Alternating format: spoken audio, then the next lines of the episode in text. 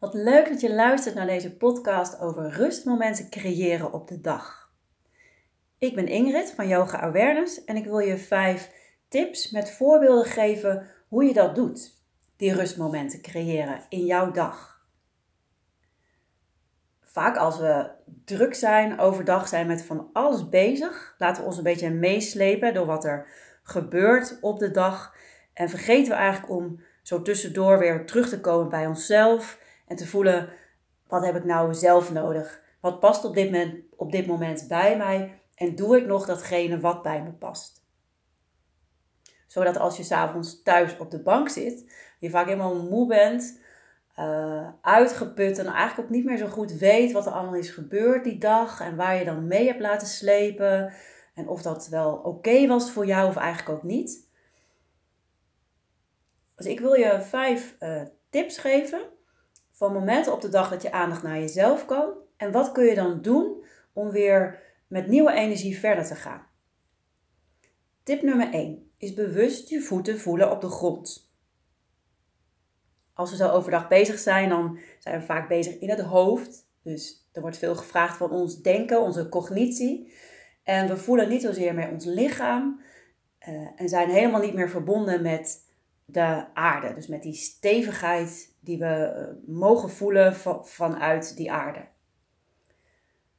Als je even de aandacht naar jezelf kan brengen en je laat de aandacht door dat lichaam naar beneden gaan en je voelt bewust die voeten op de grond, daar waar jouw gewicht rust, of dat meer op de hielen is of de tenen, of misschien wat meer op je linkervoet dan op je rechtervoet. Je kunt ook wat spelen zo met dat gewicht.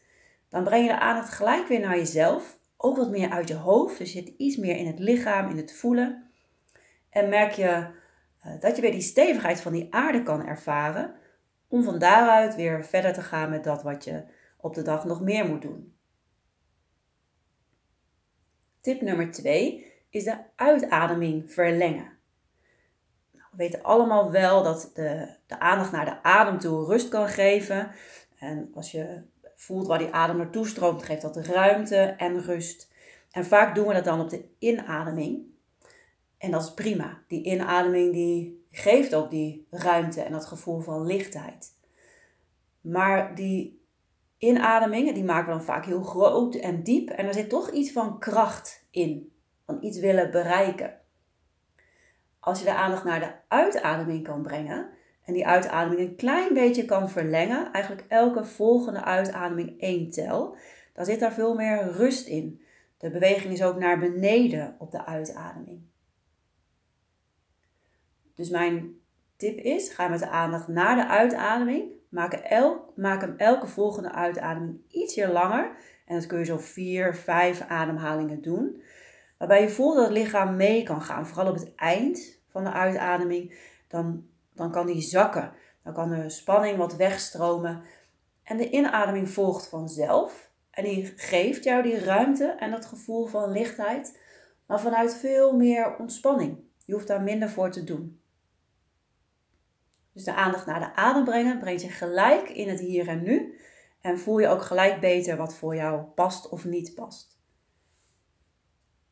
Tip nummer 3 is gebruik te maken van de zwaartekracht de zwaartekracht, de kracht van de aarde. En die gebruiken we niet zo vaak. We gebruiken meestal onze wilskracht. En die is gekoppeld aan spierkracht. Dus we bewegen vaak met die spierkracht en wilskracht tegen de zwaartekracht in. Maar er zit allemaal een gevoel van moeten in of doen. Kracht zetten. Terwijl als je ietsje vaker die zwaartekracht toe zou laten, dan mag alles weer wat meer naar beneden stromen. En kun je misschien voorstellen, visualiseren of misschien ook wel echt voelen dat dat wat je dan bij je draagt, die spanning, die stress, die onrust, dat die uh, op die, uh, met die zwaartekracht naar beneden mag glijden. Dat de, de aarde die, die spanning uit jouw lichaam trekt en zo in de aarde neutraliseert, ver weg van jou. En dan kun je weer met minder eh, spanning of ballast verder. Nummer 4 is hoe voel je je op dit moment? Meestal voelen we niet zo hoe het met ons is, omdat we heel erg bezig zijn met wat er buiten ons is of wat er nog moet gebeuren. En dan raak je jezelf een beetje kwijt. Dus door bewust de aandacht naar jezelf te brengen en te voelen hoe het nu met jou is, te merken of dat gevoel past bij jou. Uh, en dat is vaak het mooie van bewust worden van iets.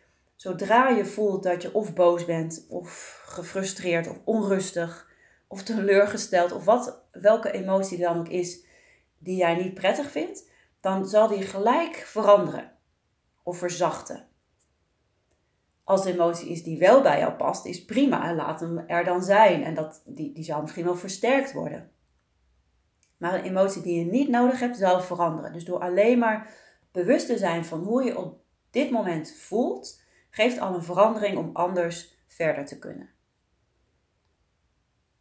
En nummer 5, de laatste tip, is jezelf te vragen: wat is nu mijn behoefte? En die gaat eigenlijk een beetje door op de vorige. Dat was de, de vraag: hoe voel je je? Uh, dat is wat er is op dit moment. En de vraag: wat is mijn behoefte? Is wat er eigenlijk mag zijn op dit moment. En klopt het dan met elkaar? Dus door jezelf af te vragen wat er op dit moment belangrijk is, kom je even helemaal terug bij jezelf. Mag je jezelf ook dat geven wat voor jou belangrijk is en mocht dat passen in het moment. Of anders houd je het in gedachten en breng het op een, het eerstvolgende moment dat het nodig is of dat het kan. Breng je die behoefte bij jou, zodat je ook weer in lijn bent met jouw behoefte, met jouw verlangen, met dat wat goed voelt voor jou.